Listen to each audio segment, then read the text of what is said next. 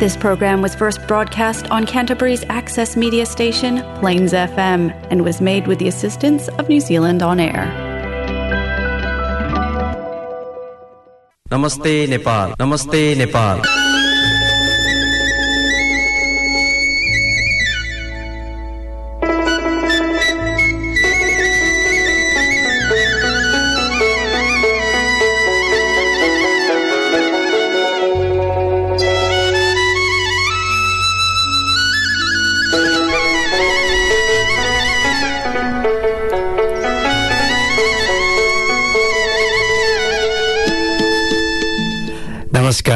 Nepal New Zealand friendship society क्यान्टबरीको प्रस्तुति कार्यक्रम नमस्ते नेपालको यो साक साप्ताहिक रेडियो सङ्गालो। नमस्ते नेपाल सुन्दै बस्नुभएका सम्पूर्ण श्रोताहरूलाई आजको कार्यक्रममा पनि सधैँ म विनोद हार्दिक स्वागत नमस्कार टक्राउँदछु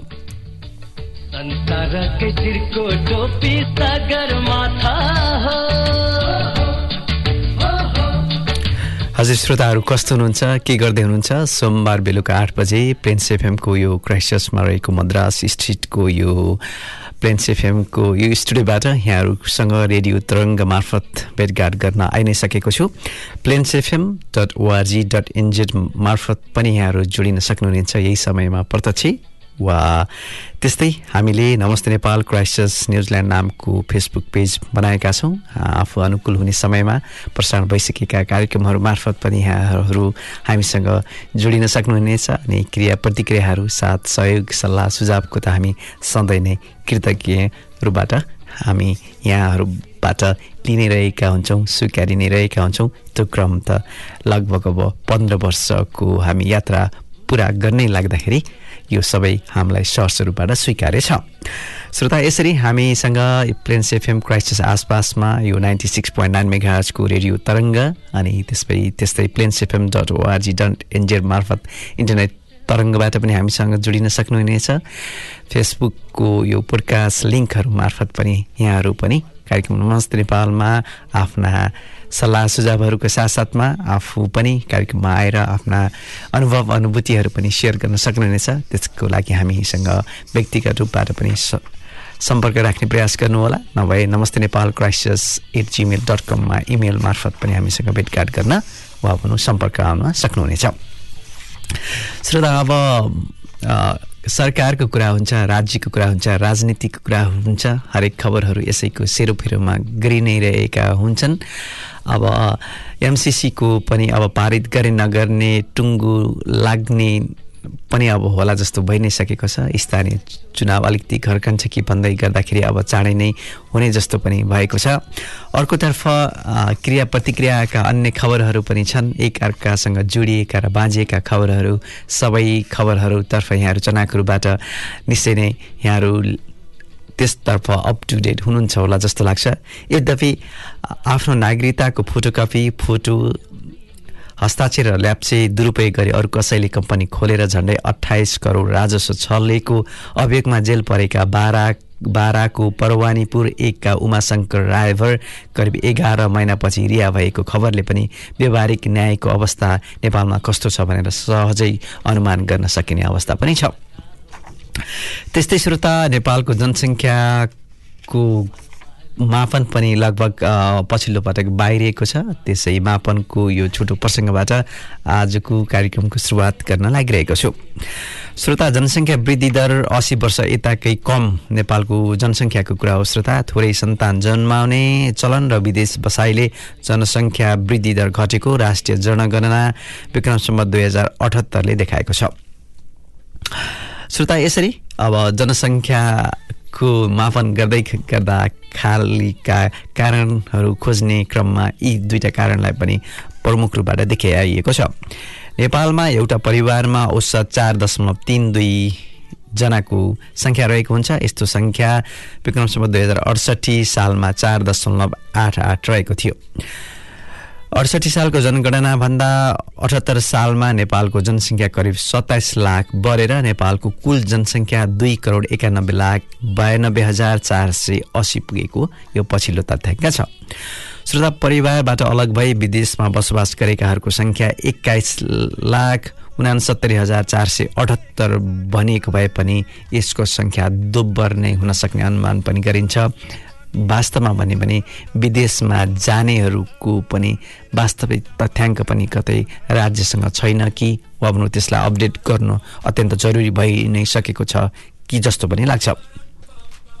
अर्कोतर्फ भौगोलिक विभाजन अनुसार तराई भेगमा जनसङ्ख्याको आधाभन्दा बढी जनसङ्ख्या रहेको देखिएको छ। तराईमा कुल जनसङ्ख्याको त्रिपन्न दशमलव छ छ प्रतिशत पहाडमा चालिस दशमलव दुई प्रतिशत र हिमाली भेगमा छ दशमलव शून्य नौ प्रतिशत नेपालीको बसोबास रहेको छ। त्यस्तै श्रोता नेपालमा सतहत्तरवटा जिल्ला रहेकोमा सबैभन्दा बढी जनसङ्ख्या काठमाडौँमा रहेको छ। काठमाडौँ जिल्लाको जनसङ्ख्या बिस लाख सत्र हजार पाँच सय बत्तिस देखिएको छ भने सबैभन्दा कम जनसङ्ख्या मनाङमा पाँच हजार छ सय पैँतालिसजना रहेको छ। र श्रोता त्यस्तै चासोका साथ हेरिएको लिपुलेक लिम्पियाधुरा कालापानी क्षेत्रको जनगणना पनि अहिले यसपालिको जनगणनामा परेको छ। यी क्षेत्रमा अप्रत्यक्ष प्रविधि प्रयोग गरी त्यहाँको प्रारम्भिक जनसङ्ख्या करिब छ सय रहेको अनुमान पनि समावेश गरिएको छ। श्रोता यसरी आजको कार्यक्रमको सुरुवातमा यी खबरहरू अनि हाम्रा यो जनसङ्ख्याको कुराहरू जनगणनाको यो आकलन थ्याङ्क पनि यहाँहरूलाई प्रस्तुत गरिसकेपछि आजको कार्यक्रममा अब यहाँहरूको लागि एउटा रमाइलो गीत प्रस्तुत गर्न लागिरहेको छु। आउनुहोस् यो जितो मायाले बोलको गीत अब यहाँहरूको लागि सुनाउँदैछु।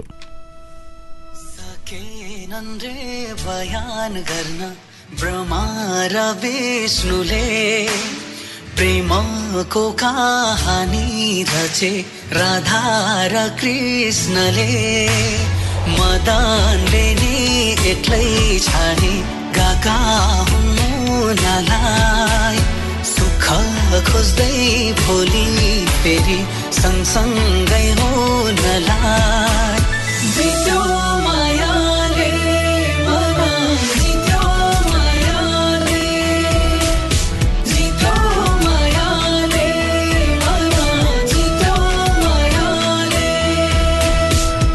छोरी पनि आइपुग्यो। छोरी उहाँहरू तिम्रो हात माग्न आउनुभयो। लजाएर भित्र गए गर्दिनँ म योसँग भेट।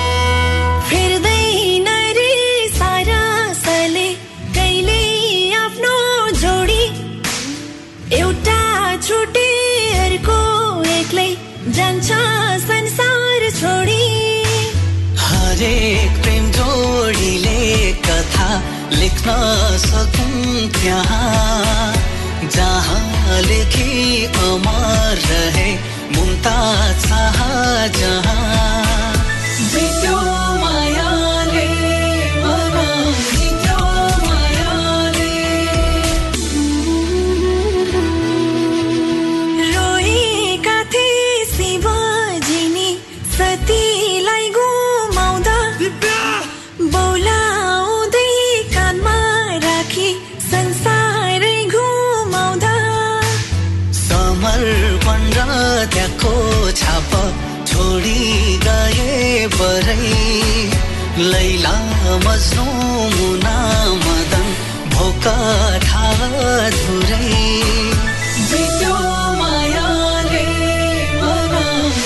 मायाले।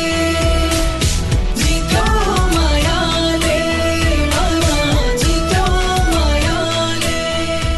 हजुर श्रोता यो रमाइलो गीत यहाँहरूलाई प्रस्तुत गरिसकेपछि कार्यक्रम नमस्ते नेपालमा फेरि पनि हार्दिक स्वागत गर्दछु।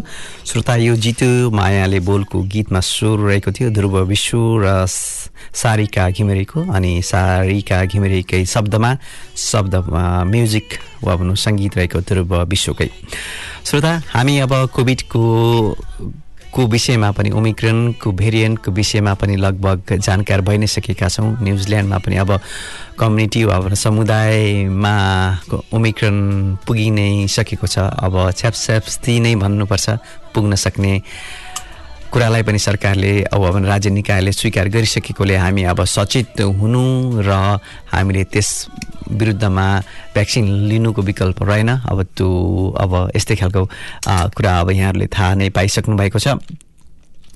त्यसपछि श्रोता अब हामीले भाइ बहिनीहरूको अब स्कुलहरू पनि लगभग कति आजदेखि सुरु भयो भने अब कसैको भोलिदेखि सुरु हुन्छ।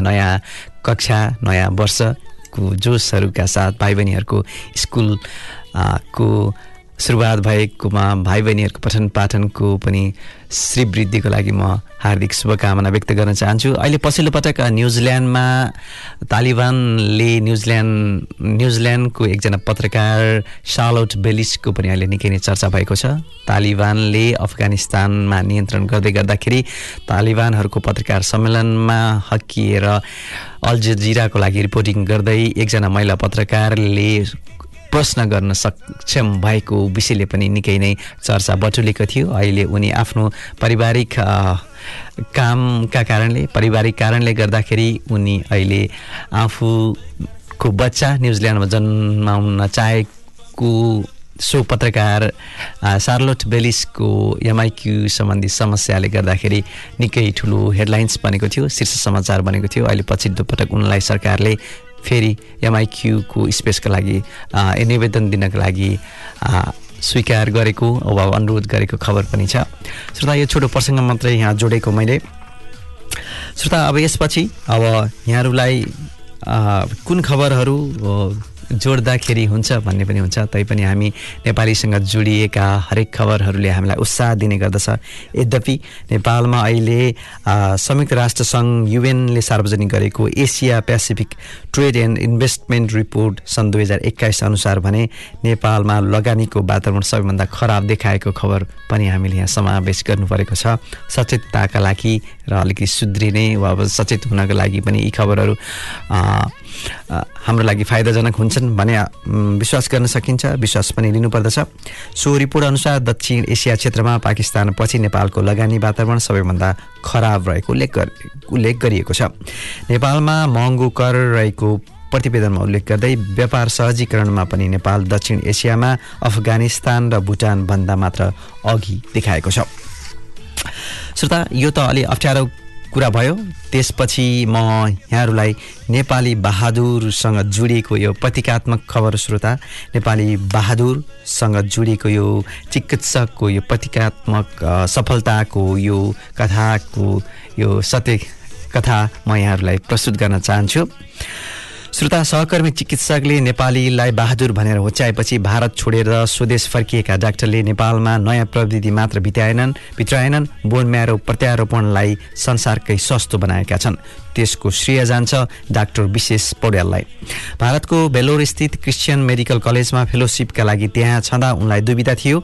अब भारतमै बस्ने कि नेपाल फर्कने? त्यही क्रममा त्यहाँका एक चिकित्सकले चिकित्सकले भनेका छन् नेपालीहरू बहादुर वा भनौँ गार्डको मात्र मात्र देखेको थिए। डाक्टर पनि हुँदो रहेछन्।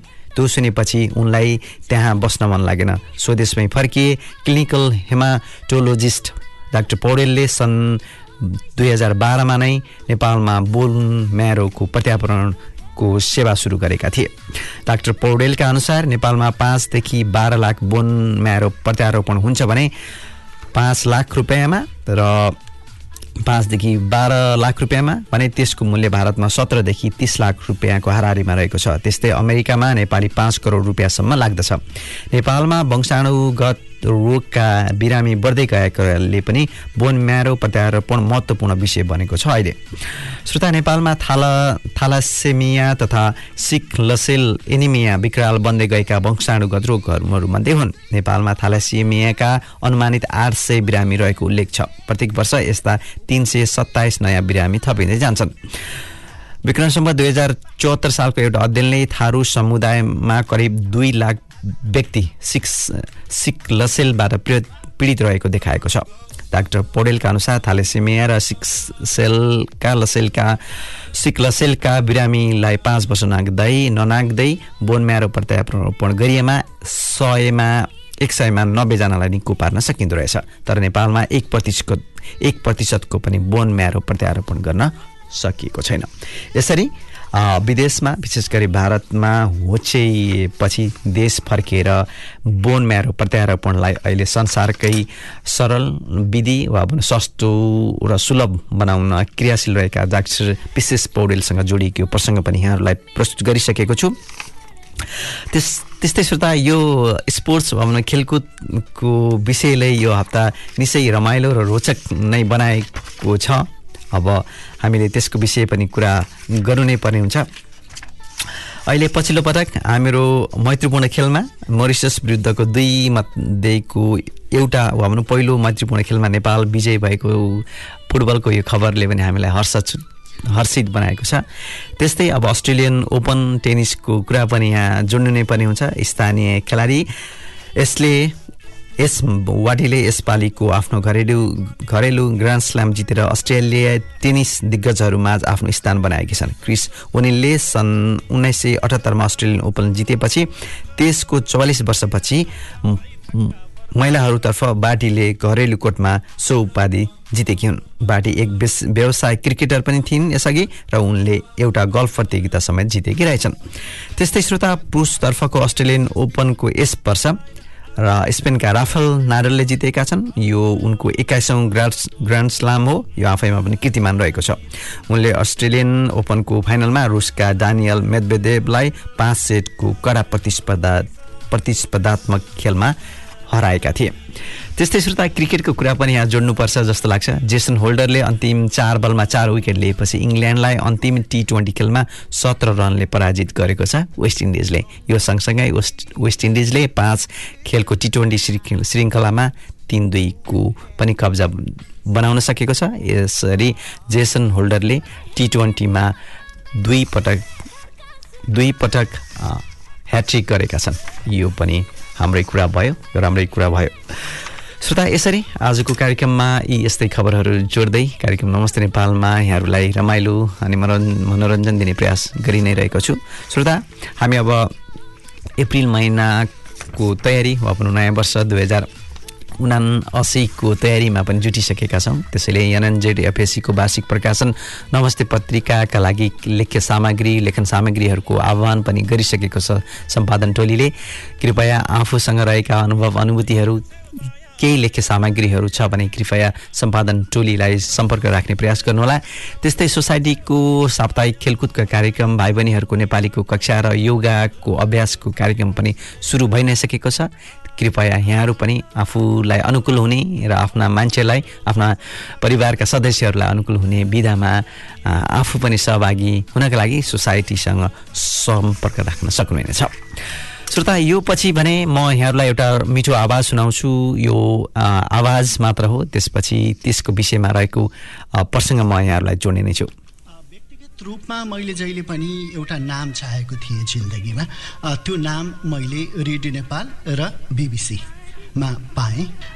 र त्यो माया र त्यो साथ र मलाई जति पनि नाम आज सबैले चिन्नुहुन्छ श्रोताहरूले दिनुभएको साथ सहयोग माया र सद्भाव मेरो जीवनमा सधैँ रहिरहनेछ। बस जीवनको ध्येय भन्नुहोस् जे भन्नुहोस् यति थियो। र अडतिस वर्षसम्म यसलाई निरन्तर यहाँहरूको साथ बाँड्न पाएकोमा आज खुसी पनि छु र अन्तिम श्रृङ्खलामा अलिकति दुःख पनि कता कता लागिराखेको छ। यो माइकलाई म सधैँ आफ्ना यो क्षेत्रमा लाग्ने मानिसहरूलाई भन्न चाहन्छु कि यो माइकको सधैँ कदर गर्नुहोस् र यसको इज्जत गर्नुहोस् श्रोता यो आवाज थियो रेडियो कर्मी वा भनौँ टेलिभिजन पछिल्लो पटक टेलिभिजनमा पनि कार्यक्रम सञ्चालन गरिएका एउटा चर्चित आवाज रेडियो कर्मी सुमन खरेलको थियो। उनले टे कान्तिपुर टेलिभिजनमा प्रसारण गरिएको पछिल्लो कार्यक्रम सुमनसँगको यो अन्तिम श्रृङ्खलामा यसरी आफ्ना यो यो पाटोको टेलिभिजन श्रृङ्खलाको एउटा अध्यायबाट पनि विश्राम लिएपछिको यो आवाज थियो। यहाँहरूलाई प्रस्तुत गरि नै सकेको छु। श्रोता थाहा छैन यो रेशमी आवाज र माइकको सम्बन्ध फेरि अब कसरी जुट्छ? उनी स्वयं जान्दैनन् सधैँका लागि उनी अवकाश लिँदैछन् कि यो एउटा विश्राम मात्र हुनेछ। यो अति दुर्लभ रोग रेड रेड्स सिन्ड्रोमका कारण बाँडीबिन भई सानैदेखि बिछनामै तला परेकी छोरी स्मिर स्मारिकाको एक्लो रेखदेखमा खटिएकी पत्री पत्नी सिटु खरेललाई साथ दिन उनी अब काठमाडौँबाट लन्डन फर्किने भएपछि सुमनले सैँतिस वर्ष लामो अब भनौँ आवाजको विस व्यवसायबाट विश्राम दिन लागेका रहेछन्। गत साता उनले कान्तिपुर टेलिभिजन र उनी कार्यरत रहेको बिएफबिएस दुवैबाट बिदा लिएका थिए। नेपालमा पहिलो पटक अब यसरी हामीले यो आवाज हामीले सुनाइसकेका छौँ। सुमन खरेलको आवाजको यो यात्राको एउटा अध्यायको विश्राम भए पनि उनी छिट्टै चाँडै नै अर्को यात्राको अर्को नयाँ सुरुवात लिएर आउँछन्। हामी यस्तै प्रतीक्षा गरेर बसेका छौँ। त्यस्तै श्रोता यो रेडियोको कुरा गर्दा गर्दै अब टेलिभिजनको पनि छोटो प्रसङ्ग जोड्न मन लाग्यो। विक्रम सौ दुई हजार एकचालिस माघ सत्र गते आजको दिन नेपालमा पहिलोपटक टेलिभिजनको श्री गणेश पाएको थियो। श्रोता नेपाल टेलिभिजनको श्री गणेश पाए पनि समाचारको सुरुवात पनि पौष चौध गते पाएको थियो। अब त्यो पहिलो समाचार बुढी बुलेटिन कस्तो थियो होला त?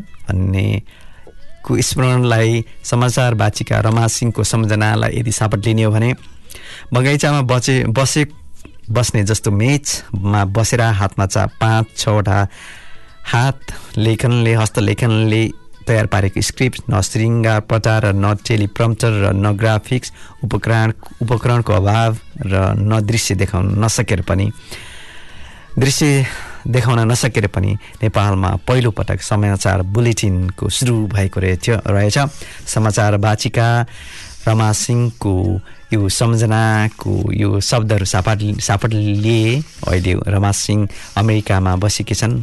भने रेडियो कर्मी सुमन खबे खरेल पनि अब लन्डनतर्फ हानिनुपर्ने पारिवारिक बास बाध्यताको यो प्रसङ्ग पनि मैले यहाँहरूसँग जोडि नै सकेको छु। त्यसपछि अब यहाँहरूलाई छोटो एउटा गीत प्रस्तुत गर्छु। त्यसपछि बाँकी रहेका प्रसङ्गहरू फेरि जोडेर आजको कार्यक्रमलाई बिट मार्नेछु। समर्पण समुच्च देश निम्ति हो समुच्च देश निम्ति हो।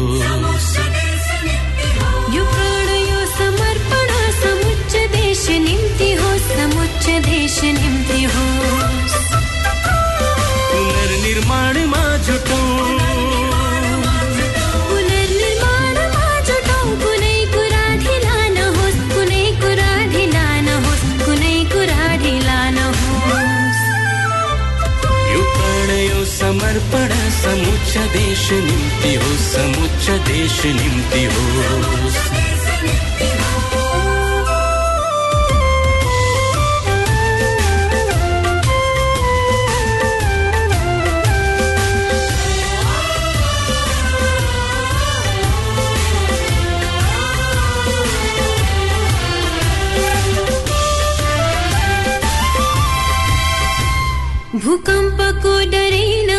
चिटिक्क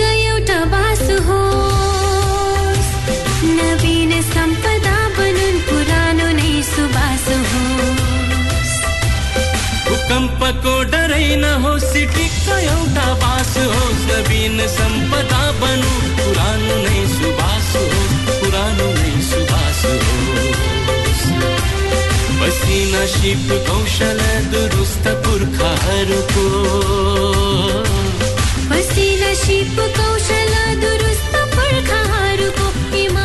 हजुर श्रोता Plains FM ninety six point nine मेगाहजमा देश प्रति देशभावप्रति समर्पित यो गीत प्रस्तुत गर्दै गर्दा नेपालीहरूको यो कार्यक्रम नमस्ते नेपालको आजको अन्तिम अन्तिम चरणमा आइ नै सकेको छु श्रोता।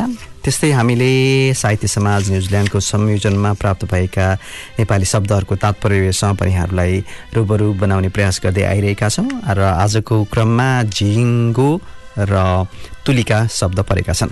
श्रोता तुलिका भन्नाले चित्रकारले चित्र लेख्दा रङ्ग पोत्ने कुची र ब्रुसलाई पनि तुलिका भनिन्छ। कपास काटेर बनाइएको बत्तीलाई पनि तुलिका भनिन्छ।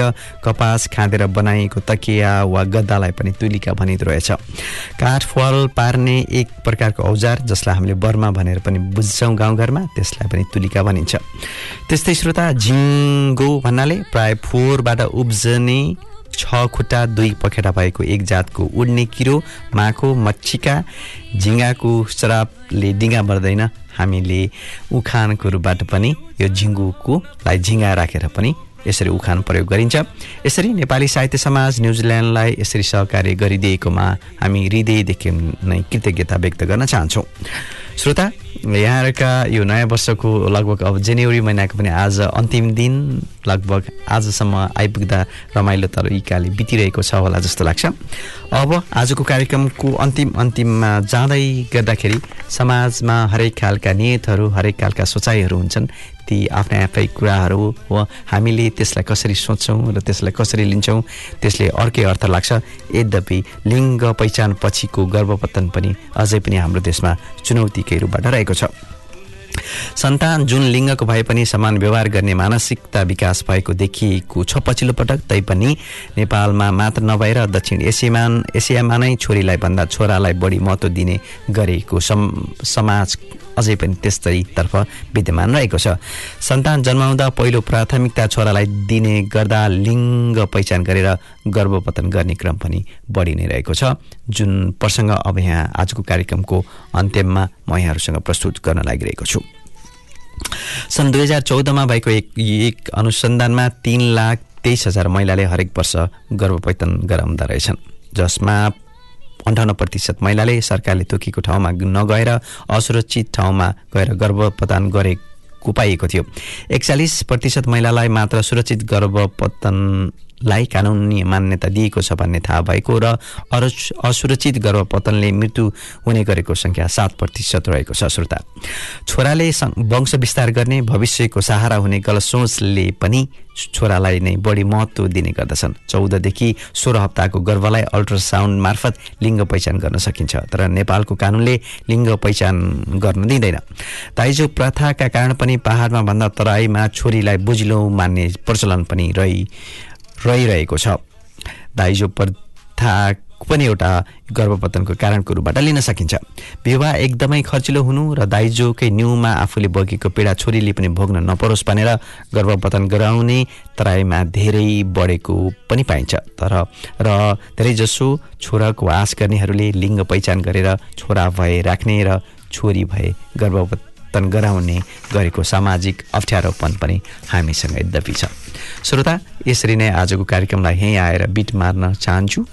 आज सधैँ हामी सुनौलो दिनको अपेक्षाका साथ दिन बिताइरहेका छौँ। आज जस्तै भोलि पनि सुगम रहोस् नभए पनि र आजकै जस्तै यहाँहरूसँग अर्को कार्यक्रमका साथ भेटघाट गर्ने आउने बाचा गर्न चाहन्छु। आउँदो सातासम्मको लागि म विनोदलाई पनि आज्ञा दिनुहोस्। नमस्कार शुभरात्रि। शिर झुकाउँदै बसेकी लाजाले रानी खोज्दै आइपुग्यो राजाले।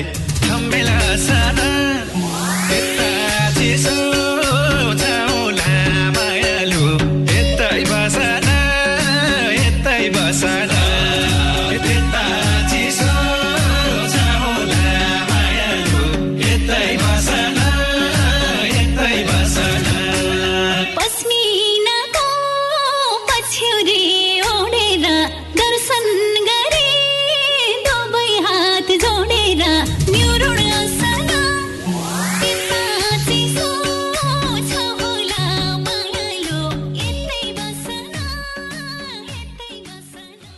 नमस्ते नेपाल नमस्ते नेपाल।